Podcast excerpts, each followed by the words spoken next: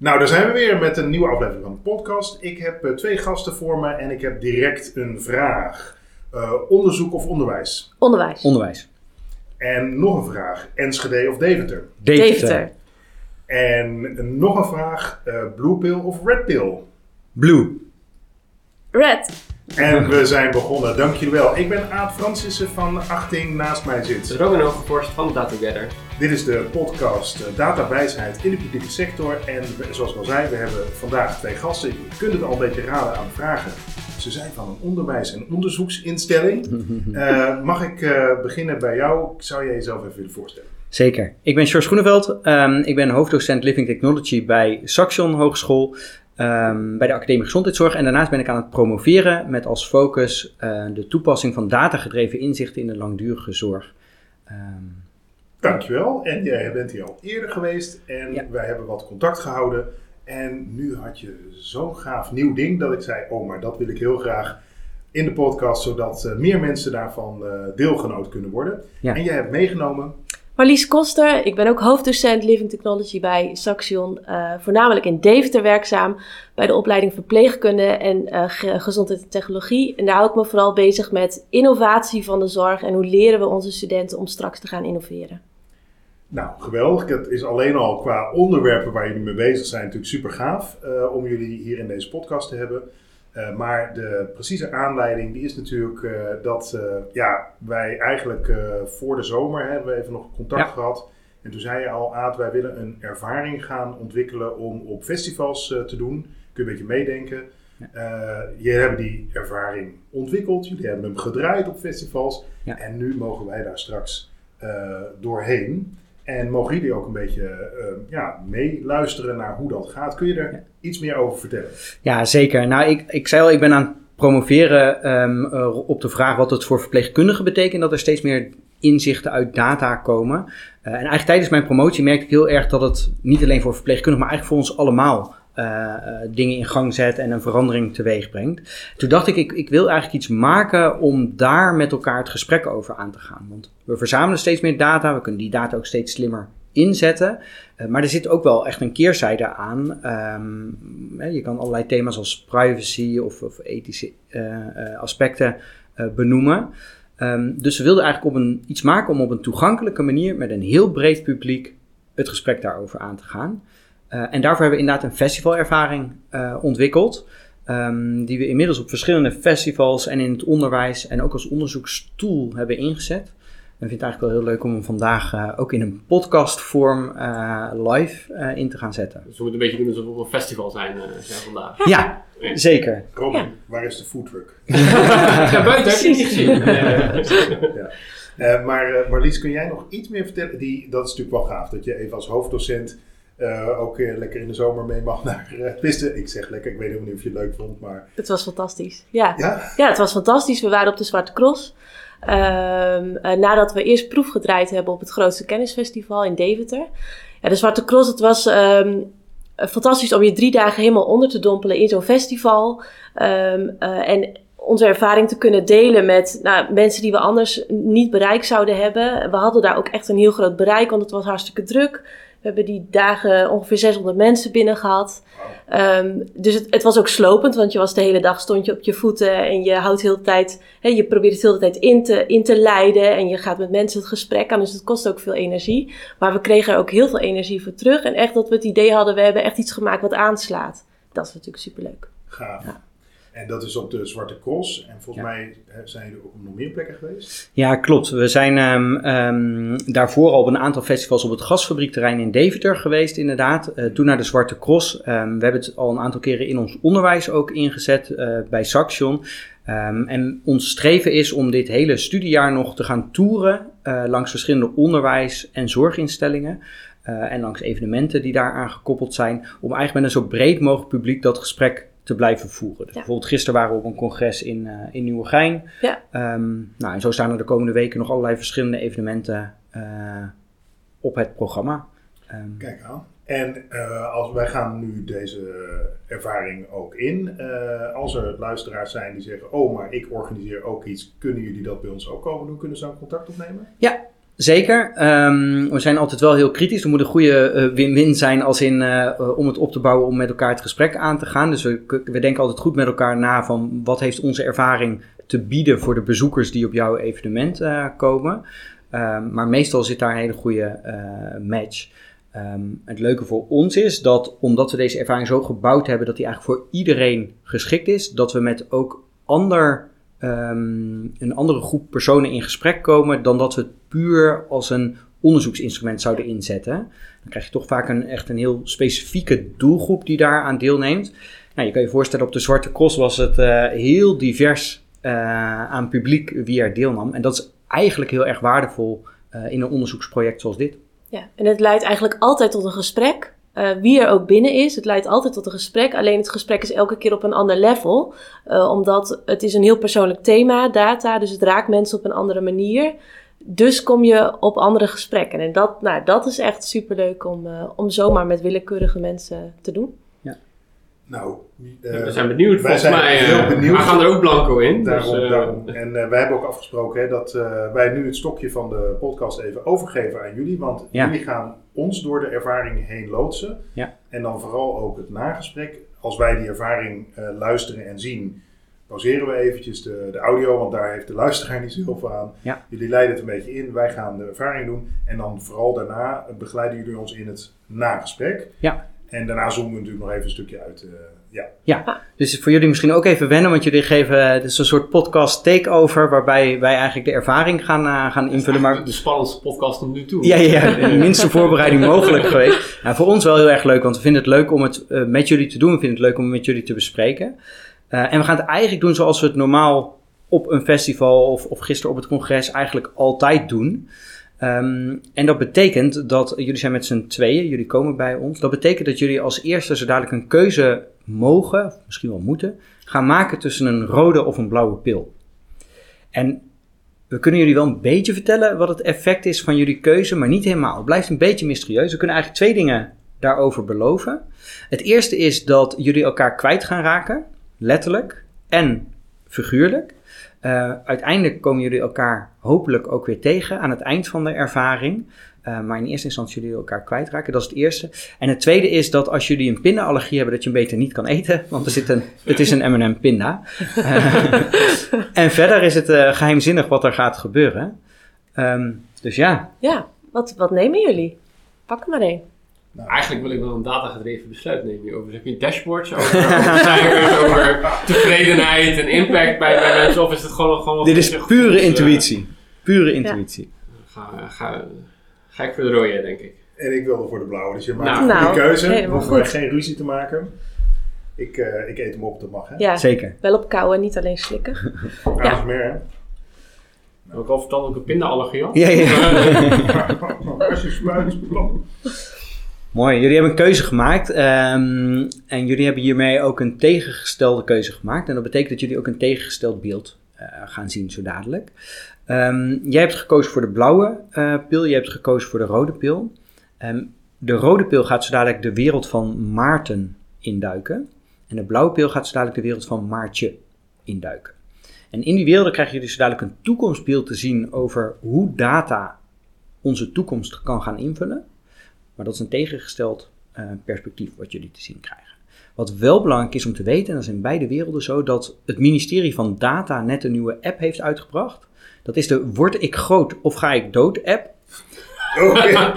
en die app vertelt jou tot op de dag nauwkeurig, misschien wel op het uur nauwkeurig, hoe oud jij gaat worden. Inclusief de keuzes die jij maakt in jouw leven. Dus als jullie vanmiddag lekker naar buiten gaan en naar huis gaan lopen in plaats van met de auto, nou dat levert je misschien wel een half half uur extra levenstijd op. Maar als jullie daarna een koud biertje pakken en de bitterballen in het vet gooien, dan kost jullie dat ook weer een uurtje. Dus elke keuze wordt data Dat is ook real-time gevoed, die Zeker. informatie. Ja, ja. Ja. ja, dat is van het ministerie van Data. Dat is een bijzondere app.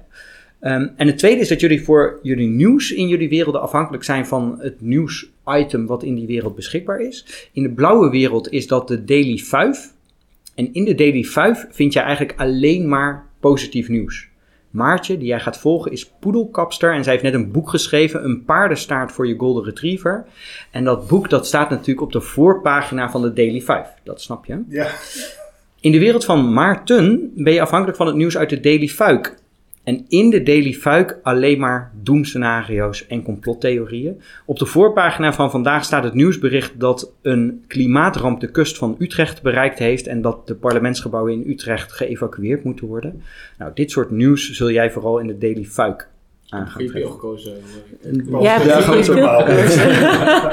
en de vraag is eigenlijk, jullie gaan dus een dagje meekijken in het leven van Maartje of van Maarten.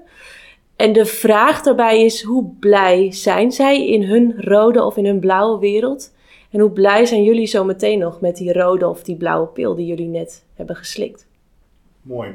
Nou, dan zouden jullie uh, uh, nu dus echt daadwerkelijk meenemen naar de rode en de blauwe wereld. Voor nu betekent dat dat we dus de opname even stil gaan zetten en dat jullie de films gaan zien in die twee werelden. Jullie raken elkaar dus letterlijk eventjes kwijt. Jullie duiken in een andere wereld.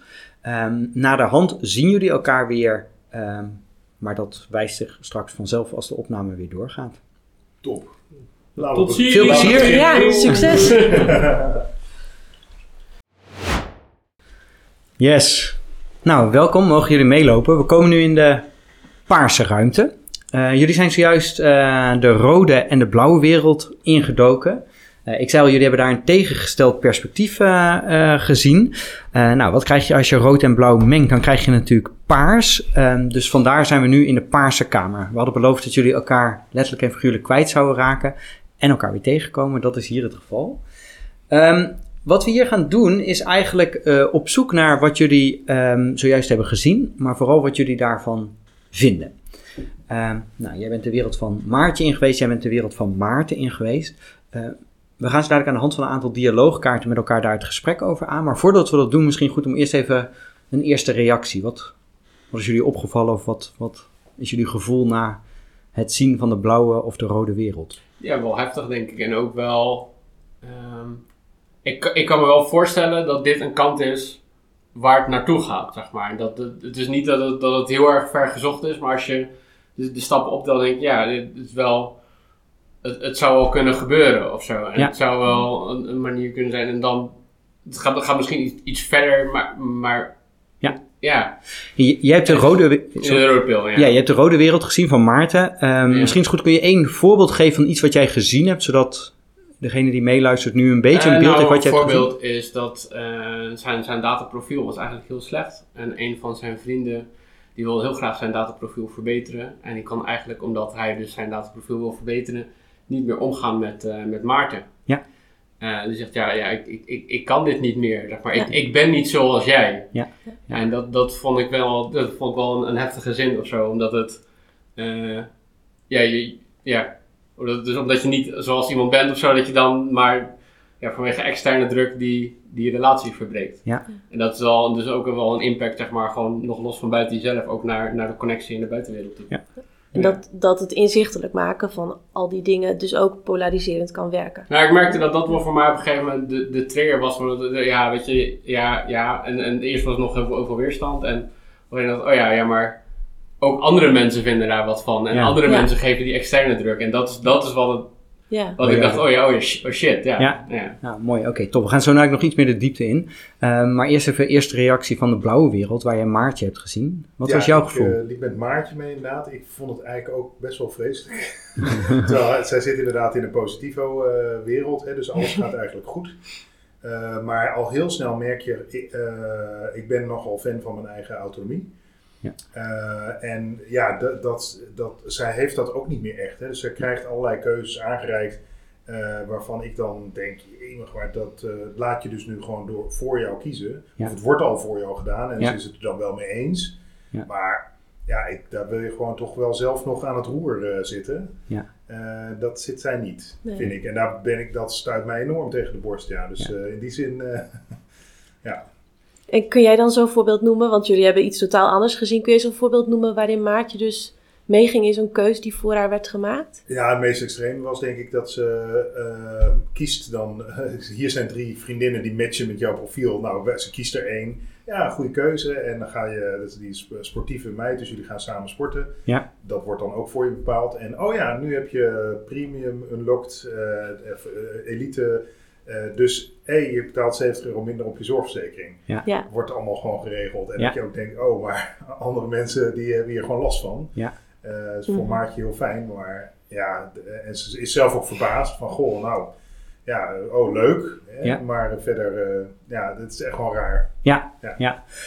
Nou, mooi. Leuke eerste uh, reacties. Ik denk um, uh, dat het leuk is om nu even naar onze dialoogkaarten te kijken. Want er liggen voor jullie nu eigenlijk vijf dialoogkaarten. En op elke dialoogkaart staat een quote van Morpheus uit de Matrix. En we hebben die dialoogkaarten gemaakt om met elkaar het gesprek aan te gaan als je dus die tegengestelde ervaring hebt gehad. Maar je neemt natuurlijk ook je eigen ideeën daarover mee, die werelden in, om hier met elkaar daar het gesprek over aan te gaan. Um, en ik stel voor dat we er gewoon maar eens even eentje pakken en dan met elkaar dat gesprek aangaan. Um, ik zal hem eventjes uh, voorlezen. De quote die we nu gekozen hebben, die... Uh, Moet je wel ook de stem van Morpheus opzetten. um, dat is een van mijn mindere kwaliteiten, vrees ik. de quote die voor ons ligt is... What you know you can't explain, but you feel it. Um, en de tekst op de dialoogkaart gaat als volgt. Het verzamelen van persoonlijke data kan je veel inzichten opleveren over je situatie... Het geeft ons namelijk feitelijke informatie, hè? bijvoorbeeld hoeveel stappen je hebt gezet, hoeveel uur je geslapen hebt, wat je hartslag is geweest. Maar wat is nou waar? Stel jullie hebben heerlijk geslapen voor je gevoel, maar jouw smartwatch of de sensor die jij gebruikt om dat te meten, die beweert eigenlijk het tegenovergestelde. Wat is dan waar? Is jullie gevoel waar, namelijk het feit dat je je uitgeslapen voelt en dat je goed geslapen hebt? Of is de waarheid waar, de objectieve meting die meet hoe je geslapen hebt. Nou, jullie zagen dat in de twee werelden, uh, zag je dat eigenlijk ook uh, terugkomen. Jij gaf net al een voorbeeld aan, waarbij zij eigenlijk iets anders, nou ja, eigenlijk iets anders voelt en ze wordt eigenlijk een kant opgestuurd. Als ze puur op haar gevoel afgegaan was, had ze dat misschien niet gedaan, maar omdat zij inzicht heeft gekregen in haar data, neigt ze die kant op te gaan. Wat is voor jullie waar? Je gevoel of de feitelijke waarheid? Ja, eigenlijk het antwoord wat ik voor deze serie zou, zou, geven, is eigenlijk, ja, het een kan niet zonder het ander. Je hebt ze allebei nodig, zeg maar. Dus je moet en nadenken over wat je wil en wat je, uh, wat je weet. Maar wat, wat mij ook wel heel erg duidelijk wordt, is eigenlijk, zeg maar, als je daar naar kijkt, versterken die twee misschien elkaar juist ook wel. Dat, dat doordat je een meting hebt, dat je je daardoor slechter gaat voelen, waardoor die meting weer slechter wordt, waardoor je weer slechter gaat voelen. En dat het zo'n zo'n vicieuze cirkel is waar je heel makkelijk mhm. of instapt of uitstapt, denk ik, in, in jouw geval. Ja. Ja, ik, mijn antwoord zou hier zijn allebei, sowieso. Uh, ook in de tegenwoordige tijd. Ik heb zo'n uh, horloge, die houdt op mijn slaap bij. Ik vind dat echt super gaaf, want dan krijg ik een beetje inzicht in hoe heb ik nou eigenlijk geslapen. En die, dit horloge doet dat eigenlijk best goed. Ja. Uh, maar, maar, hoe weet je of dat horloge het goed doet of niet? Nou, omdat ik kan zien van, uh, uh, ik weet wanneer ik wakker ben geweest. Soms moet ik even naar de wc uh, s'nachts. Dat heb je als je wat ouder wordt. Eh, maar hoe dan ook, dat weet ik dan nog wel. En dat zie ik ook terug in die meting. Dus hij doet, een, ik had eerder een horloge die pikte dan de, de slaap daarna. Dus vanaf twee uur s'nachts tot, en dan zei hij, heb je een slechte nacht gehad? Nee, nee, ik ben gewoon één keer wakker geweest. Maar je hebt niet de hele cyclus meegepakt. Ja. Of de meerdere cycli. Deze pakt gewoon de slaapcycli mee. Dus ook als je wakker bent en daarna weer verder. En dan telt hij als één slaap. Uh, maar dat kun je wel zien. Maar uh, uh, toevallig gisteren, e-, de nacht van gisteren, had ik goed geslapen. Veel geslapen, kon ik ook zien. Klopt ook met mijn gevoel. Ja. Maar ik was hartstikke moe. Ja. ja, ja. En dat is een ervaring die ik wel vaker, dus voor mijn gevoel, ja, had ik best, ik wist dat ik goed had geslapen. Ja. Maar ik was nog niet uitgeslapen, zeg maar. Ja, ja. Dat heb ik wel vaker. Ja. En dat vind ik dus ook fijn om het bij te houden en de data in te kunnen zien. Van hoe heb ik eigenlijk geslapen als ik naar mijn horloge kijk. Ja.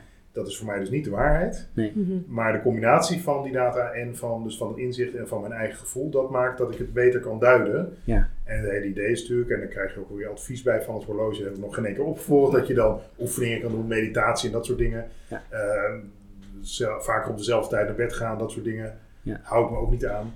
Maar ja, uh, daar kan ik dan wel iets mee. Ja. Ja, ja. ja. ja. Oké, okay, mooi. Daar kunnen we nog veel meer over hebben. Laten we de volgende dialoogkaart uh, gaan niet, pakken. Niet vier uur de tijd. Nee, nee, nee, precies. Ja, ja, ja. Nou, het is wel grappig dat je het zegt. Want op de festivals merken we echt dat we mensen weg moeten sturen uit deze Ja. paarse kamer. Ja. Omdat ze echt zo. Ze zijn echt ja, met elkaar in gesprek. En het, Ja. het raakt op de een of andere manier. Dus het Ja. is wel... Maar eh, het grappige vind ik dat Aad zegt, ja, hij geeft dan wel adviezen. Nou, eigenlijk zit het dus niet heel ver af van, van Nee, waar we nee, waar we Nee, naar nee, precies. Ook die ervaring inderdaad, dat praten tegen een chatbot zoals Ja. ChatGPT, hè, dat, is ook, eh, dat gaat steeds meer gemeen goed worden. Ja. Eh, dat je dan zo'n chatbot ook als een soort van persoonlijke ja, als persoon gaat beschouwen, dat, daar zitten we ook heel erg tegenaan. Dus daar wordt ook op, technisch op ingezet. Ja. Hè? Ja. Eh, daar, ja, dat is allemaal best. eh, want dat zit in die filmpjes ook. Hè, dat Ja. er wordt gewoon heel normaal op een natuurlijke manier gepraat alsof het je adviseur is. Ja. Ja. Ja. Ja, dat, dat, eh, dat is al realiteit eigenlijk. Hè? Ja, precies.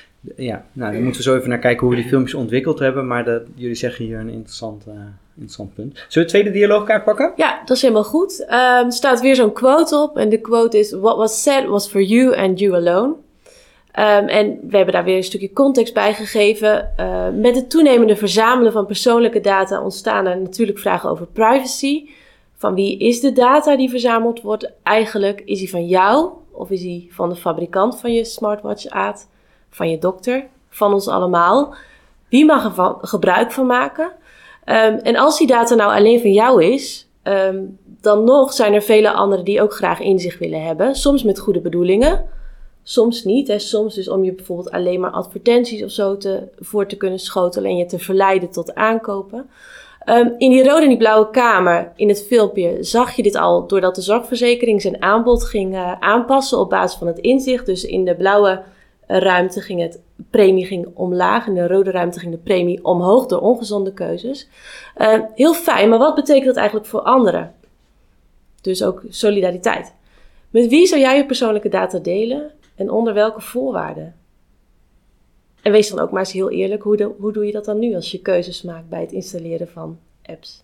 Ik ben daar best kritisch op nu eigenlijk. Ah. Zeg maar, heel vaak juist als, eh, als ik... eh, eh, ik heb ook wel eens dat ik dingen niet installeer. Dat ik denk, ja, nee, nee, nee, gewoon niet. En dan, dan, dan niet, zeg maar. Ja. Ehm, juist ook omdat je niet zo goed weet wat er ook in de toekomst met, met die data gebeurt, zeg maar. Ja, Eh, en bijvoorbeeld ook wat... eh, eh, weet je, het is niet eens het bedrijf wat je nu hebt, zeg maar. Maar dat bedrijf kan ook weer overgekocht worden. Waarmee al, ook al die data wordt overgekocht, zeg maar. Ja, ja precies. Dus je weet niet hoe je, daar, eh, eh, hoe je daarmee omgaat. Wat ik, wat ik vooral interessant vind aan de discussie is... ehm, stel je voor, met mij gaat het echt supergoed en het is allemaal prima. Hmm. En door die data te delen eh, kan ik inderdaad korting krijgen op mijn zorgpremie. En kan ik dit en kan Ja. ik dit. En, en dan heb, je- kijk je wel naar de positieve kant. En, en je zegt, ja, de mensen waarmee het niet zo goed gaat of niet zo gezond zijn... Die hoeven dat niet, maar die krijgen dan ook niet de korting. Sterker nog, eh, in, bij verzekering is het natuurlijk, dat is Ja, allemaal dat- geënt op solidariteit. De Ja. gezonde mensen betalen, even plat gezegd, hè, de Ja. gezonde mensen betalen voor de, voor de mensen die het nodig hebben. En met nodig bedoel ik niet die het financieel nodig hebben, maar die een ongeluk hebben of die kosten maken Ja. die niet te voorzien zijn. En Ja, als je puur op basis van risicoprofiel mensen gaat inschalen, betekent dat voor de mensen met het minste risico de minste kosten. Maar die verdwijnen daarmee ook uit de verzekeringsgroepen die het meeste risico vormen, waar dus de kosten ook nog eens extra zullen gaan stijgen. ja precies. Dus, Ja. dus je krijgt heel erg die, die polarisatie en Ja. die, die tweedeling, Ja. zeg maar. En dat, Ja. dat is... eh, Maar verzekering is ook niet eh, vol te houden op die manier. nee. Want dat, die zijn gebouwd op het solidariteitsprincipe. En dat, Ja. Daar, daar, ja, dus dat is leuk dat je dat dan nog gaat. eh, hè, dus er was toen toch eh, zo'n verzekering die daar echt op inzet, hè, op Ja. hoger opgeleide Ja, ja, mensen en klopt. wat gezonder en Klopt. leven Ja. langer. Eh, eh, en die hebben dus een iets lagere premie. En dat, dat vond ik wel eh, ja, eigenlijk Spannend. niet, niet oké. Ja. Ja. Maar het, het interessante is, eh, vind ik hier aan, dat eh, bij de zorgverzekering is dit heel lastig. hè. We hebben een basisverzekering, daarvan hebben we met elkaar afgesproken wat erin gedekt moet zijn. Dat is ook voor iedereen, die, die is passend voor de basis. Ja. Alleen bijvoorbeeld bij een autoverzekering eh, kun je nu al een, een kastje in jouw auto laten installeren die bijhoudt hoe hard je remt, hoe hard je door de bochten gaat. Want dat geeft namelijk een risico-inschatting van de kans dat jij bij een ongeluk betrokken raakt. Ja. En daarvan kun je dus al wel zeggen van ja, maar daarmee stuurt dus eigenlijk de data-inzichten, stuurt eigenlijk onze maatschappij en het aanbod van onze commerciële organisaties en stuurt daarmee ons gedrag. Want we worden Ja. daardoor gemonitord, we gaan ons gedrag aanpassen om maar in aanmerking te komen als je eraan meedoet. Voor Ja. maar het, is ook, maar het is dus eigenlijk een schijnkeuze. Want stel je voor, zeg maar, je doet het wel en dan krijg je 50% korting. Ja. Maar je kan ook kiezen om het niet te doen en dan heb je het normale tarief. Maar als je het normale tarief natuurlijk gewoon verhoogt, Ja. heb je eigenlijk alsnog die tweedeling, Ja. zeg maar, die, die, ja. die je anders Precies, niet. zeg precies dat is precies het ja. punt. Dus met dat we die technologie ontwerpen, Ja, ontstaan er mogelijkheden, maar die mogelijkheden hebben eigenlijk ook indirecte effecten. Ja. Ehm, hè, En hoe, en hoe, als je dus dat, dat niet, als je dus eh, zegt van ah, ik betaal gewoon het, normaal, het normale tarief of die, dat extra geld. Ja. Hè, ik betaal eigenlijk gewoon een abonnement om als een eh, zot door de straten te rijden. Ja. Want dat wil ik graag. Ja. Dus ik Ja. betaal daar eigenlijk Ja. voor, dus dan ga ik het doen ook. Ja, ja, dus ja, werk precies. ook het gevaarlijke gedrag van Ja. mensen die dat niet zo'n kastje willen dan extra in Ook de nog hand. in de hand. Ja. Ja. Ik grappig vind, jij zei net, zeg maar, dat, de, dat, dat maakt je de, de autonomie verliest eigenlijk doordat Ja. ze heel erg meegaat. Ja. En het, eh, niet hypocriet, maar het, het, het gekke vind ik uit dat Maarten juist heel erg hard tegen aan het werken is. En juist heel erg hard aan het werken is om zijn autonomie te behouden. Maar daardoor, omdat hij niet aan de norm voldoet, Nou, Ja. eh, eigenlijk tegengewerkt wordt. ja, Ja. Door, de data, door de genormaliseerde data van de mensen die allemaal wel Ja. meedoen. Ja. Want als je dat ook- is natuurlijk wel een ding ook. ja, als jij continu geduwd wordt in voor jou de beste keuze. Ja. En je wilt dus ergens je autonomie herpakken. Dan ga je dus automatisch tegen het systeem kiezen. En kies je dus elke keer precies het tegenovergestelde. Net wat jij net zegt. Je gaat ja. Ja, en de Precies. data is altijd anders dan, want het is Ja. een normale, Ja. normale dataset. Ik wil wel nog even ook gewoon eh, persoonlijk reageren hierop. Hè? De vorige. Ja. Eh, nou ja, dus van wat, eh, wat deel je allemaal? Ik denk dat ik, eh, en ik ben niet de enige, belachelijk veel, eh, dat belachelijk veel van mijn en mijn leven Mhm. bekend is. Ja, Ja. Sowieso bij Google. Ik gebruik alles van Google. Ja. Die weten wanneer ik een lamp aandoe. En niet één lamp, Ja. maar de 25 lampen. Ja. Ikea weet dat ook, maar Google weet het ook. Ja. Die weten met het horloge ook, zit ook die Google Assistent op. Die Ja. weten wat ik mail, die weten wat ik in mijn agenda heb staan. Die weten, ik heb niet één, niet één Google account, maar ik heb er meerdere. Mhm. Ja. Eh, Microsoft weet alles van mijn werkzame leven, want de meeste klanten waar ik werk gebruiken Microsoft. Ik Ja. gebruik ook deels Microsoft met mijn bedrijf. Ehm, ik gebruik tot mijn ergernis nog steeds WhatsApp. Liever niet. Daar ben ik dus wel. Facebook ben ik zoveel mogelijk mee gestopt. Eh, want dat, die hebben echt bewezen dat ze data ook verkopen aan luxe bedrijven en daarmee verkiezingen probeerden. Nou, Facebook niet zelf, maar dat bedrijf wel. Dus dat vond ik voor mij echt zo'n signaal van: oké, dit moet gewoon vanaf. Ehm, maar ik zit dus nog wel nog op WhatsApp en dat is ook Meta. En wij hebben ook zo'n VR-bril, Meta Quest. 2 Ja, ja. bril. En dat is echt superleuk. En dus ook weer een Facebook-account. Ja. Ja. Maar niet op mijn persoon. Eh, dus zo zijn er best wel wat bedrijven. En dit is nog een paar. Ik heb dus nu een, een Samsung horloge. Ja, eh, Samsung weet ook heel veel van ons. We hebben ook een Samsung TV. Ja. Daar wordt ook mee geluisterd met wat we allemaal daarop hebben staan. Wat we allemaal eh, streamen. Eh, eh, dus, dus zo zijn er echt al de grote Big Five. Behalve denk ik eh, TikTok. Eh, Ja. Want daar, de- mijn kinderen hebben ook geen TikTok gelukkig. Wij ook niet. Ja. Eh, maar de Big Five, eh, grote techbedrijven, weten echt, echt mijn hele leven al. Ja. En, en eh, nou ja, met Google heb ik daar ook altijd vertrouwen in gehad. Want ja, die verkopen advertenties. Dat is ook echt waar ze by far hun grootste omzet mee Mhm. maken. Het meeste mee verdienen. Ja. En dan ergens vertrouw ik er ook op dat dat is wat ze doen en waar ze goed in zijn. Ja. Eh, maar het, het wordt spannender op het moment dat inderdaad er een overheid komt die zegt: jullie zijn te groot, we gaan jullie opsplitsen. En oh, jullie zijn wel heel interessant, we gaan dit deel van jullie overnemen, want wij gebruiken dit zelf ook. En dan Ja. heeft dus een overheid toegang De tot data. al die data. Ja. Ja. En dan vertrouw ik onze overheid, eh, heb ik heel hoog vertrouwen in, hè, de Nederlandse overheid. Eh, maar ja, goed, een Amerikaanse overheid al een stuk minder.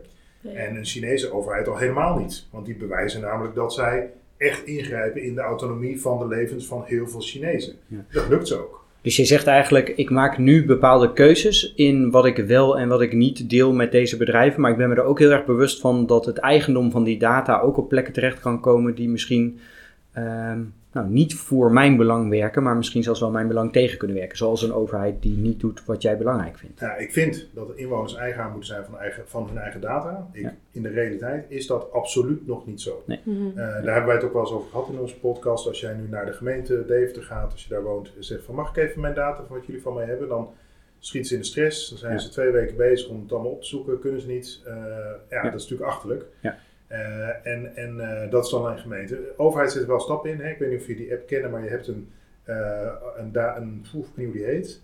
Een app van de overheid waarin je kan zien wat de overheid allemaal voor data van jou heeft. Ja. Bij welk sub-uitvoeringsorganisatie, Ja. UWV of dergelijke. Ja. Rij, eh, hoe heet het, RDW, dat soort belastingdienst. Nou, belastingdienst weet echt alles ook weer. Ja. Maar je kunt het ook terugzien dus. Ja. En dat is al een begin. Ja. Maar dat is nog niet alles. Er Ja. zit de gemeentelijke data bijvoorbeeld nog, Nog niet niet in. in. Nee, precies. Eh, ja, en, en dan doe je ook nog eens een keer zaken met die gemeente. Eh, eh, hoe staat het daarmee? Ja. Waar, wat is de status van de zaak waar je, in je met je gemeente in zit voor de aanvraag van een dakkapel Ja. of voor Ja. hè, je behandeling met je richting werk, je klantmanagerstraject als je een werk en inkomen zit. Weet je, dat, ook dat soort inzichten, ja, die heeft een gemeente, waarom delen ze die niet? Ja. Dus daar, daarvan Ja. denk ik echt, eh, eh, dat kan nog veel meer. Eh, ik heb wel ook PGO, dat is ook leuk, hè, dus Oh ja. persoonlijke gezondheidsomgeving. Omdat ik dan dit interessant vind. Ik ben geloof ik een van de weinige patiënten. Ja, ja, maar de huisartsen hebben alle, al hun informatie over jou, want alle dossierinformatie zit in het HIS, hè, huisartsinformatiesysteem. En dat is gekoppeld en bereikbaar kun jij dus ook inlezen.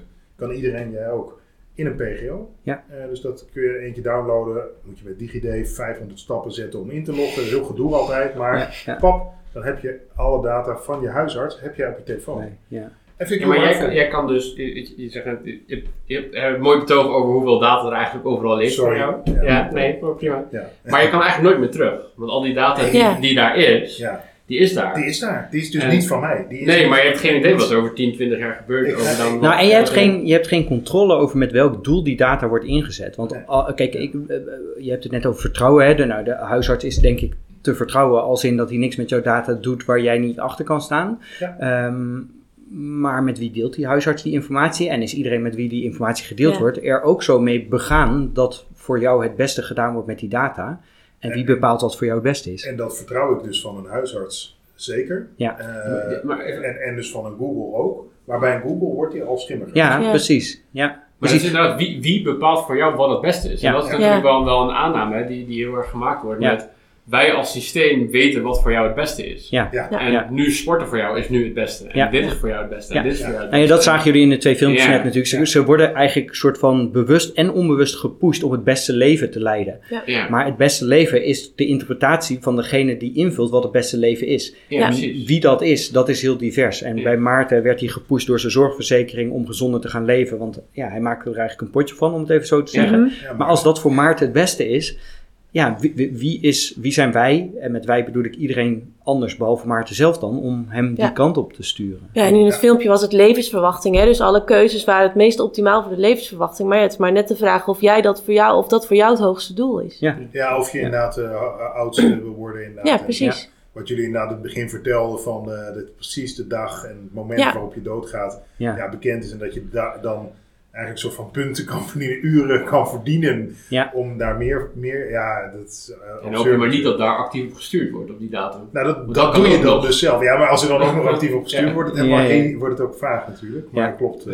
Uh, maar jullie zeggen nu steeds, en jouw data, en jij weet, ik uh, weet dat niet goed. Maar dit is natuurlijk niet alleen mijn data. Hè. Dit is Mhm. echt, jullie hebben ook een Microsoft account. Ja. Want met Ja. Salesforce werk je ook Absoluut. met Microsoft. Klopt. Jij hebt een Google Ja. account en Ja. een Microsoft account. En weet je, dus ook als je denkt, ik, want ik denk net als Robin, hè, ben ik best wel bewust Voorzichtig. met welke partij doe ik nou wel of niet eh, Mhm. oké en accepteer. Ja, Doe ik Mhm. ook niet zomaar. nee. Eh, maar er is heel veel data van mij en van Ja. jullie en van iedereen Ja. die luistert bekend. Ja. En dat is niet van jou. Nee, en het is Precies. mooi, want dat is misschien een mooi bruggetje even naar het doel waarom we dit project hebben opgezet. Juist omdat ehm, we allemaal steeds meer toestaan dat er data over ons eh, verzameld wordt. En die data wordt vaak ook nog eens op een veel slimmere manier aan elkaar gekoppeld en daarmee ingezet voor een bepaald doel. En we zijn dit project gestart omdat we dus inderdaad voelden van ja, maar we moeten met elkaar daar wel het gesprek over aangaan. Weet je, er zitten mooie kanten aan, want het geeft ons inzicht, het geeft ons heel veel gemak, het geeft ons eh, voordelen. Maar er zit ook een andere kant aan. En we moeten bewust allemaal op individueel niveau een afweging maken. Wat vind ik daarvan en hoe ga ik ermee om? Ja. En nu is het nog heel vaak zo dat hè, bijvoorbeeld het accepteren van algemene voorwaarden. eh, ik zal eerlijk toegeven dat ik ook niet altijd die 15 pagina's kleine lettertjes lees voordat ik een app installeer. Ehm, dat betekent dus dat we het eigenlijk heel makkelijk over ons heen laten gaan, zonder dat we Mhm. heel goed begrijpen wat de mogelijke impact is van het weggeven van die data. En ik ben het helemaal met je Ja. eens, Aad, dat gaat voor ons allemaal. Want we hebben allemaal, hè, ik denk dat er geen luisteraar is die geen eh, Google of, of eh, wat voor dan ook Apple, account Ja. heeft. Apple Precies. zoveel, echt. Het Ja. is bizar. En die houden het allemaal bij zichzelf. Maar ja, goed, Ja. dat kan ook. Die, bedoel, die Ja. zijn zo groot. Groot genoeg. Ja. Dat is absurd. Maar eh, ik heb, wij hebben ook een platform ontwikkeld eh, waar je ook eh, ja, de, een account op eh, eh, kreeg dan. Hè, en dan eh, maar waar dus ook voorwaarden van als je daar niet mee eens, eens Ja. was, dan, ja, dan kwam je er gewoon niet op. Ja. Dat moet. Ja. Mhm. Daar is, dat waren, die hadden we vrij begrijpelijk opgesteld. Het was voor een, eh, inwoners in een kwetsbare positie daar als platform voor bedoeld. Ja. Eh, maar ja, je kon natuurlijk in dat platform een publicatie laten zien waarin weer een URL zit naar een andere website. Ja. En dat is Ja. al ehm, dat je daarmee cookies van derden, zeg maar, Ja. Eh, kunt krijgen omdat je op platform op een link klikt die niet van ons is, maar die Ja. er wel in staat. Ja, Mhm. En dus moet je zo'n hele moeilijke zinconstructie daarin opnemen. Want Ja. waar iedereen over, dat maakt die voorwaarden ook zo vreselijk. Ja. Je moet dat melden, dat kan. Ja. ja, wat heel normaal iets is. Je krijgt een link, je klikt erop en dan opent een ander scherm, zeg maar. En ja, dan heb je ook cookies van derden. Ja. Niet in het platform, niet in, dat, we, we hadden helemaal geen cookies, maar ja, toch iets over cookies. Want ja, het kon zijn dat. Dat daar. En dat maakt ook weer die voorwaarden zo um, lastig. Wij wilden die echt heel klein en leesbaar houden, maar dat is niet te doen. Het is niet inclusief. Nee. nee. Heel moeilijk. Ja. Heel moeilijk te maken. Ja. Hey, misschien is dit een mooie overstap naar de laatste dialoogkaart die we gaan behandelen, ook gezien de tijd. Want um, we hebben het nu over of iedereen uh, gebruik kan maken en ook begrijpt wat de gevolgen zijn. Um, nou, de laatste quote van Morpheus is uh, de volgende: You have to understand most people are not ready to be unplugged. En deze gaat heel erg over digitale inclusie. Dus persoonlijke data geeft inzicht in, in wie we zijn. Het geeft ons houvast, overzicht, uh, aanleiding om ons gedrag aan te passen. Maar kan eigenlijk iedereen daar wel mee omgaan? Is iedereen digitaal vaardig genoeg om op eenzelfde manier gebruik te maken van de mogelijkheden die dit soort ontwikkelingen ons bieden? En andersom gezegd, zou het niet zo moeten zijn dat er altijd voor alles wat we ontwikkelen een niet-digitaal alternatief moet zijn, zodat ook de mensen die niet kunnen of niet mee willen in die digitale wereld of datagedreven wereld toch gebruik kunnen maken van alles en, en, alle mogelijkheden die er zijn. Wat vinden jullie daarvan? Uh, kunnen en willen vind ik een groot verschil. Ja. Uh, want voor kunnen, dat heb ik heel vaak gehoord van ja, maar kunnen onze cliënten dat ja. wel? Mhm. Ja. Nou, al die cliënten van jullie kunnen ook op Facebook, dus dan kunnen ze dit ook, zeg maar. Ja. En als ze het niet kunnen, want dat hoor je natuurlijk ook, mijn moeder is 93 en die heeft nog nooit een de laptop aangeraakt. dan is er altijd wel iemand voorhanden. Want als die het belastingformulier thuis stuurt, kijk, kan ze het ook niet invullen. Nee. Op een gegeven moment. Hè. Ja, maar daar ben ik niet helemaal met je eens. En dan, dan vragen ze wel hulp. Dan vragen want ze wel als hulp. je bijvoorbeeld, ehm, we hadden vroeger Excel. Uh, stel dat jij heel goed met Excel kan omgaan, dan kan je heel makkelijk berekeningen uitvoeren die iemand anders niet kan doen. En dan helpt Excel je heel erg in je, in je werk. Of, jij iets, of jij gaat een boekhouden met, met een rekenmachine of met Excel, dat maakt heel veel uit. En nu hebben we bijvoorbeeld met, met uh, ChatGPT, op het moment dat je goed met ChatGPT overweg kan, kan dat jou heel erg helpen om heel veel sneller dingen te doen. En dat is niet per se ook kun je, ja, wel zeg maar kun je het, maar niet alleen, zeg maar dat vergt ook wel een bepaald soort investering om dat te leren en daarmee om te gaan en die tools echt te leren. Ja. En hoe beter je dat leert, hoe meer je er ook zelf aan hebt. Maar ik kan me ook heel goed voorstellen dat het voor heel veel mensen lastig is ja. om dat te leren en dat op te pakken. En dan Ja. mis je dat, zeg maar. Ja, En dan dan- hebben we anderen een voorsprong. Maar dat is met nieuwe technologie altijd. Er zijn altijd mensen die het eerder oppakken dan anderen. En die Ja, hebben daar dus een voorsprong in. Dat klopt. Maar meer gaat het over, stel je bent eh, een overheid en je moet een eh, formulier eh, maken en dan hebben ze altijd nog een papieren variant en een digitale. En eh, daarvan vind ik overigens dat je het dus altijd moet aanbieden, omdat er mensen zijn die willen niet digitaal. Ja, Die willen dat gewoon niet. Nee. Sommigen ook die kunnen dat niet goed. Dan vind ik dat je daar hulp voor kunt bij organiseren. Ja. Eh, want ook dat soort formulieren, uiteindelijk wordt het ergens digitaal ingeklopt. Dus Ja. of die overheid dat nou zelf intypt door een stagiair of wat ook. Of dat eh, jouw neef eh, dat doet omdat jij daar hulp Ja. hebt. Dat vind ik niet zo'n punt. Maar je moet kunnen kiezen om ook offline nog, zeker bij publieke dienstverlening, Ja. eh, deel te kunnen nemen. Oké, maar dat, dit is in het geval dat er een dienst aangeboden wordt die in principe net zo goed niet digitaal als digitaal kan. Hè? Een formulier invullen kan in principe Mhm. hetzelfde. Maar stel nou dat wij op basis van leefpatronen van mensen wat leren over hun gezondheidssituatie. En omdat we die, die inzichten die we op basis van data verzamelen over iemands leefpatroon, eh, heel gepersonaliseerde zorg voor die persoon kunnen aanbieden. Eh, het kan zijn dat iemand ervoor kiest om niet gemonitord te willen worden uit overtuiging bijvoorbeeld. Betekent dat dan ook dat hij suboptimale zorg aangeboden krijgt ten opzichte van de mensen die ervoor kiezen om zich wel te laten monitoren? Is het dan nog steeds rechtvaardig? Want dan is er namelijk een verschil tussen hè, een formulier digitaal of in papier is in principe hetzelfde effect. Mhm. Maar in dit geval wordt de kwaliteit van zorg hoger als je je laat monitoren, omdat we het beter op jouw persoon kunnen toepassen.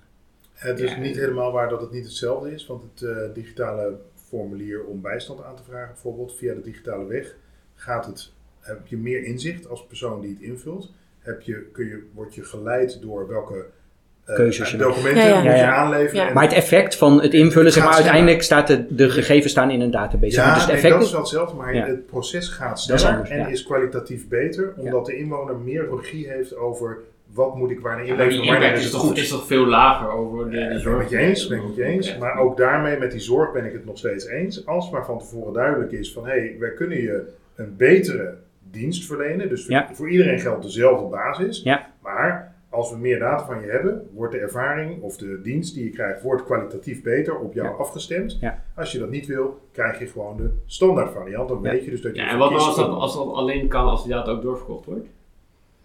Van de zorg? Ja, nou, niet, niet Nee, dat het gebeurt, niet. maar, maar stel dat dat, dat, Nee. dat dus, dus het is en, eh, en je krijgt betere zorg. En we gebruiken het om analyses te maken voor de overheid, zodat iedereen betere zorg kan krijgen. Ja, maar dan zou je weer kunnen zeggen, we gebruiken de data anoniem hè, om eh, onderzoek voor de... We zitten hier met onderzoekers aan Ja, ja. tafel. Ja, dit is heerlijk. Wij, wij kijken elkaar aan. Wij genieten van jullie discussie. Die anonieme data, die willen zij hebben hoor. Ja. Ja. En ik misschien ook wel, want ik denk dat, kijk, ik heb hoog vertrouwen in de onderzoekers. Dat die ook eh, onderzoek doen om weer de zorg gewoon überhaupt te Ja, stel dat, Ja. dat, dat het ziekenhuis over, over drie jaar wordt overgekocht door een private equity firm die alleen maar eh, meer, meer winst wil maken. Maar dan veranderen ze dus het doel waarmee die data wordt verzameld. Maar ze hebben de data al. Nee, want ze veranderen het doel. Je hebt akkoord gegeven op een bepaald doel en je mag Dat niet... is de vraag. Jawel. Ja, nee, nee, nee, maar dit is... Dit is Dat zat niet in de discussie. Ja, maar, dit- ja, maar jij voelt ook niet. Nee, maar je hebt volgens Nou. de AVG volgens een bepaald doel mag je data verzamelen tot een bepaalde periode ook. Ja, maar de wet is ook een wet, dat kan ook veranderen. Ja. Dus stel je, dus Ja, die ja, data, maar kijk op het moment dat je die, alles. ja, maar op het moment dat je, nee, maar kijk, maar, nee, maar dat is het punt. Kijk, op het moment dat je die data een keer aanlevert, dan hebben ze die data en dan kan je niet meer terug. Want die data die staat altijd, hè, dit wordt, wordt gebackupt, er, zijn, er zijn protocollen voor, hè, er, zijn, er documenten voor van, ik weet niet hoeveel pagina's om ervoor te zorgen dat je geen data kwijtraakt. Ja. Ehm, en op het moment dat er, een- dat er iets verandert, Je moet een kan er dus iets anders met die data. Want we maken nu bepaalde, je maakt nu de aanname, de AVG is er voor de rest van mijn leven. Mhm. Maar dat hoeft niet zo te zijn. Maar dan nog even, je moet een, dus een outtake. Kijk, wat jij eigenlijk zegt is, je hebt daar zelf niet de controle over. En dat Ik, klopt. nou, ik zeg vooral, er, er kan zoveel veranderen dat ik het antwoord om te zeggen, je gaat, je, de persoonlijke zorg is het waard om ook al die data te leveren. Ik vind het niet, Als je die niet, keuze niet, hebt, direct, direct een makkelijke afweging, maar, omdat er zoveel kan veranderen en dat dat dus ook best wel een impact kan hebben over eh, hoe je daarmee maar de vraag is, als jij een keuze hebt daarin, niet, niet de, de, het, het is zo, dus we doen het zo. Nee, maar is de vraag, heb je die keuze echt of niet? Nou ja, dat is de vraag. Dat is wel Of is het een schijnkeuze? Het is heerlijk. Wij zitten Ja, hier te is- genieten met z'n tweeën. prachtig. Want er gebeurt hier precies hetzelfde als wat elke keer op de festivals gebeurt. Ja, Eh, de films en het concept wat we gemaakt hebben is echt... We hebben twee extremen ontwikkeld om je een klein beetje uit je comfortzone te halen. Om vervolgens weer tot realisme zeg maar, te komen samen. Om te bedenken, wat, wat vind ik er nou eigenlijk van? Of wat is een mogelijke toekomst? En er Ja. gebeurt hier eigenlijk precies hetzelfde als wat Ja. bijna altijd op het Precies. festival gebeurt. en we zien dat het meer vragen oproept eh, dan Ja. beantwoordt bij jullie. Eh, Ja. Dat vind ik ook mooi om te zien. Ja, Maar Jullie zijn wel hele goede hosts wat dat betreft, want volgens mij laten we hier vaak veel te lang zo'n gesprek doorgaan. We grijpen op een hele mooie manier in. Wij hebben nog wat eh, te bespreken met elkaar, Robin. Ja. ik heb mijn bokshandschoenen nog liggen hoor. Ja, Dus, eh, ja. Kom maar op, kom maar op. Maar dit is natuurlijk wel een hele gave eh, ervaring. En dat je dit ook zo eh, ja, op een festival kan doen met, eh, met eh, een heleboel eh, verschillende mensen, lijkt me echt super gaaf. Ja, het is, Is heel het tof. En het leuke, tenminste wat wij het leukste vonden, laat ik voor mezelf zeggen, wat ik het leukst vond, is om te zien hoe mensen dus geraakt worden door Ja. die toekomstbeelden. En jullie zeiden tussen de zinnen door eigenlijk ook al een beetje. Eigenlijk, we hebben twee extreme toekomstbeelden gemaakt, maar ze zijn wel invoelbaar in de zin van dat jullie allebei al voelen, ja, maar een deel hiervan gebeurt eigenlijk al. Dus het is helemaal niet zo heel gek dat dit een mogelijke toekomst is, of dat Ja. elementen hiervan realiteit worden. Ja. Ehm, en daarmee proberen we dus mensen aan het denken eh, te zetten. Ja, dat gaat heel goed. Dat kun je echt merken. Dat hebben we goed, eh, een mooie, mooie balans eigenlijk ingevonden. Het is echt wel duidelijke toekomst. Ja. Maar het is ook wel inderdaad een mogelijke, mogelijke toekomst. En je krijgt de discussie precies inderdaad op waar wij, wij nu ook de discussie Ja, Ja. mooi. Dus ja, super. over voeren natuurlijk. Dus, Ja. eh, en dat is eigenlijk precies ook wat je wil. En nou ben ik ook wel benieuwd, want dit doe je vanuit Saxion, doen jullie vanuit Ja. Saxion. Jullie doen hier ook onderzoek naar. Ja, ja dat, dat hopen we steeds meer te gaan doen. We hebben op de festivals hebben we wel ook data verzameld. Hè, want onze aanname was eigenlijk dat dit concept mensen helpt om eh, bewust te worden van data en ook wat het kan betekenen voor jouw persoonlijke leven. Nou, dat zagen we denk ik bij jullie net ook gebeuren. Eh, daar hebben we op de festivals wel data over verzameld op een hele laagdrempelige manier eigenlijk. Eh, dus niet met ellenlange vragenlijsten, maar echt iets wat je heel snel in kan vullen. Um, en uh, we willen dat ook nog wel uit gaan breiden komende jaar. Als we dus ook naar zorginstellingen gaan en met studenten uh, uh, dit gaan doen die ook opgeleid worden om in aan de slag te gaan in het zorgdomein. Om dan ook op een wat kwalitatievere manier te kijken van wat roept dit nou bij ze op? welke vragen roept het bij ze op? Hoe maakt het ze bewust van dit thema? Um, ja, dus daar hebben we zeker plannen voor. Ja, precies. En het sluit wel mooi aan. Jij, jij refereerde aan het begin van het gesprek aan de vorige keer uh, dat we hier waren in het gesprek. Toen hadden we het heel erg over hoe komen die datagedreven competenties en wat daarvoor nodig is nou in ons onderwijs terecht. En onze conclusie toen was: het is, het is een zoektocht met z'n allen, met elkaar, met het werkveld, met het sociale domein, met ons als onderzoekers, ons als onderwijzers. Ehm, ik denk dat het heel belangrijk is om ook uh, dat attitudegesprek met onze studenten aan te gaan. Dus hoe, hoe kijken jullie daarnaar? Wat vinden jullie ervan dat dit soort data-inzichten er komen? En vanuit die optiek gaan we deze, het concept en, en de twee films ook gebruiken om dat gesprek met de studenten aan te gaan, om nog beter te snappen hoe zij daar naar kijken, wat volgens hun daarin belangrijk is. Ja. En zo'n ervaring helpt er wel enorm in om het ook echt een keer te voelen en te doorleven en mee te maken. Ja. ja. En uiteindelijk, want daar zit ik toch wel een beetje mee van. Natuurlijk, ik vind het goed dat het discussie oproept, maar ik ben ook altijd wel een beetje op zoek naar wat kunnen we hier nou van leren. Hè? Ja. We waren eigenlijk al een beetje aan het verkennen van wat zo voor voorwaarden zou bijvoorbeeld een overheid nou moeten mhm. creëren. En wat nou als die overheid verandert. Ja. Uh, nou, dat is nog lastiger natuurlijk, maar je ziet wel dat het heel erg hakt, hangt op autonomie. Ja. Heb ik nog de keuze, want er is ook zo'n ontwikkeling van de, de rode of de blauwe knop. Hè, ja. die, uh, de bedoeling is dat die dus in overheidsapplicaties gewoon beschikbaar is. Ja. Gebruik je die, die blauwe knop, ik geloof blauwe knop, weet ik niet meer zeker. Dan hè, krijg je de vraag inderdaad, wil je al je data onttrekken uit het systeem? Ja, en dan is het gewoon weg. En dat is dan weer overheid, dus dat moet dan. Dus dat is gewoon weg uit die databases.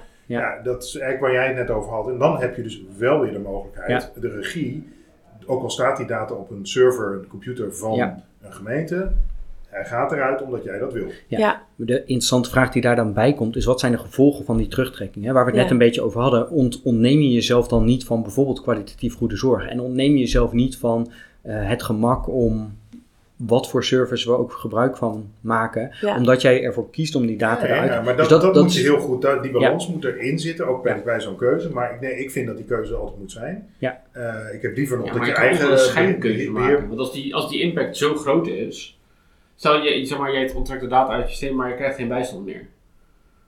Ja, dan, dan is die impact zo groot dat je die keuze niet hebt. Nee, maar, maar juist, is dus geen keuze in. Maar dat is, niet, dat is niet waar deze keuze om gaat. Maar, maar juist daarom is het Is die, die, uh, dat het doordat mensen die uh, van een bepaald profiel, zullen we maar zeggen, uh, kritische mensen of mensen die juist wat zieker zijn zeggen: Ik gebruik het bij ook op, overal ja. wil nergens mijn data. Mhm. Worden die databases scheef? Ja. Krijg je dus in de, dat is voor, zal hun een rotsoort zijn, maar je krijgt dus meer gezonde mensen in de database en minder ongezonde. En, en, dat is eigenlijk voor de analyse en de adviezen die eruit komen wel weer een probleem. Maar juist hierom is het zo belangrijk dat we het gesprek met elkaar voeren over wat we ervan vinden. Omdat, um, kijk, nu maken we al veel gebruik van data-inzichten, maar dat zal, ik denk dat iedereen met ons eens is dat dat de komende jaren alleen maar meer, meer en meer wordt. En daarmee wordt het moeilijker, moeilijker en moeilijker om je te onttrekken van het mhm. gebruik van alle services die we gaan ontwerpen, ontwikkelen, uh, implementeren rondom dat gebruikte dataprofiel. Dus ik denk dat het heel goed is dat we in deze ontwikkeling, die transitie waar we nu in zitten, heel uitgebreid en goed met elkaar daarover spreken. Wat vinden we ervan? Hoe kunnen we daar invloed op uitoefenen voordat we twintig jaar verder zijn en dat er eigenlijk geen weg terug meer is? Precies. En als mensen een keuze moeten maken, moet dat denk ik altijd een heel goed geïnformeerde keuze zijn. Um, dus mensen moeten weten wat ze kiezen. En om ook te kunnen beargumenteren voor zichzelf waarom ze dat kiezen, is het denk ik heel belangrijk dat die bewustwording er is. Ja. En, uh, nou ja, en voor misschien... de overheid heel belangrijk om betrouwbaar te worden. Precies. De ja. overheid heeft echt wat in te halen. Ja. Dus als dat een keuze is en de overheid raakt data kwijt, ja, dan is dat maar zo. En als dan de services slechter worden, dan moeten ze die services zelf maar repareren, maar niet op basis van de data. Dus kijk, ze hebben nog steeds die kwaliteit van dienstverlening te leveren hè? en een bijstandsuitkering te verstrekken. Dat staat gewoon in de wet. Mhm. Dus data of geen data. Ja, nou, dan maar zonder. Dan maar, weet je, dus dus daar, daar moet die overheid dan maar omheen. Die heeft een, een step-up te doen met, met betrouwbaar zijn. Ja. Maar dat is de overheid. Ja. En we niet over alle commerciële, uh, commerciële partijen. Ja. Maar ook daar gaat heel veel goed en bieden ze ons de juiste advertenties en dat soort zaken. Daar lig ik nooit zo wakker van. Maar er zijn natuurlijk ook commerciële partijen die wat andere uh, praktijken, belangen hebben. En ja, Dan, dan wordt het spannender. Ja, ja. zeker. Nou, super gaaf. Dank voor deze ervaring. Ik, ik ben ook stiekem wel een beetje benieuwd uh, naar, als je dit hebt meegemaakt, naar reacties. Ja. die mag je sowieso natuurlijk mailen naar uh, Sjors en Marlies. Waar kunnen ze dan terecht als ze meer over de data divide willen zien? Nou, we hebben zelfs een, heel simpel websiteje gemaakt uh, om het te delen met elkaar. www.thedigitaldatadivide.nl Um, nou, daar staan wat beelden en uh, uh, nou, er is wat pers langs geweest toen we op de Zwarte Cross stonden. Die filmpjes staan ook daar. Dus dat is een mooie plek, denk ik. En ik vind het ook nog wel belangrijk om even te zeggen dat we in de ontwikkeling van de ervaring zoals we die nu hier ervaren hebben, heel veel hulp hebben gekregen van een hele diverse groep uh, mensen. Onder andere mm -hmm. groep Solis, veel mensen van het ROC Twente, Universiteit Twente, Saxion. Um, en ook binnen Saxion hebben veel collega's van de Video Unit en de Research Academy, die hebben ons enorm geholpen. Uh, dus dat krijgt er ook wel waarde aan om nou, even netjes ja. te vertellen dat, we het met een groep... Dat, zeg maar, dat kun je ook merken. Het zit gewoon echt goed in elkaar. Dus complimenten ook aan alle mensen die jullie geholpen hebben. Ja. Alle uh, organisaties uh, die je net noemde. Ja. De digitaldatadivide.nl. Ja. Daar kun je even op zoeken. We zetten hem ook even bij de, in de tekst. In de beschrijving of in de comments. Of, uh, ja, ja. Als het goed is waar, waar je ook terecht komt, dan uh, zie je ergens een linkje verschijnen. Dan, uh, of je reageert naar ons of naar jullie. En dan hoor ik via jou heel graag. Als je reacties krijgt, vind ik altijd leuk. Ja, nou, dank jullie wel. dank voor deze ervaring. Dank voor het luisteren aan de luisteraar. En heel graag tot de volgende keer. En weten we al wie wij de volgende keer spreken? Dat, zal, dat is de aflevering met Ronald Baan over de verdieping op datamanagement. Nou, gaan we daarover hebben. Leuk, tot dan. Doeg.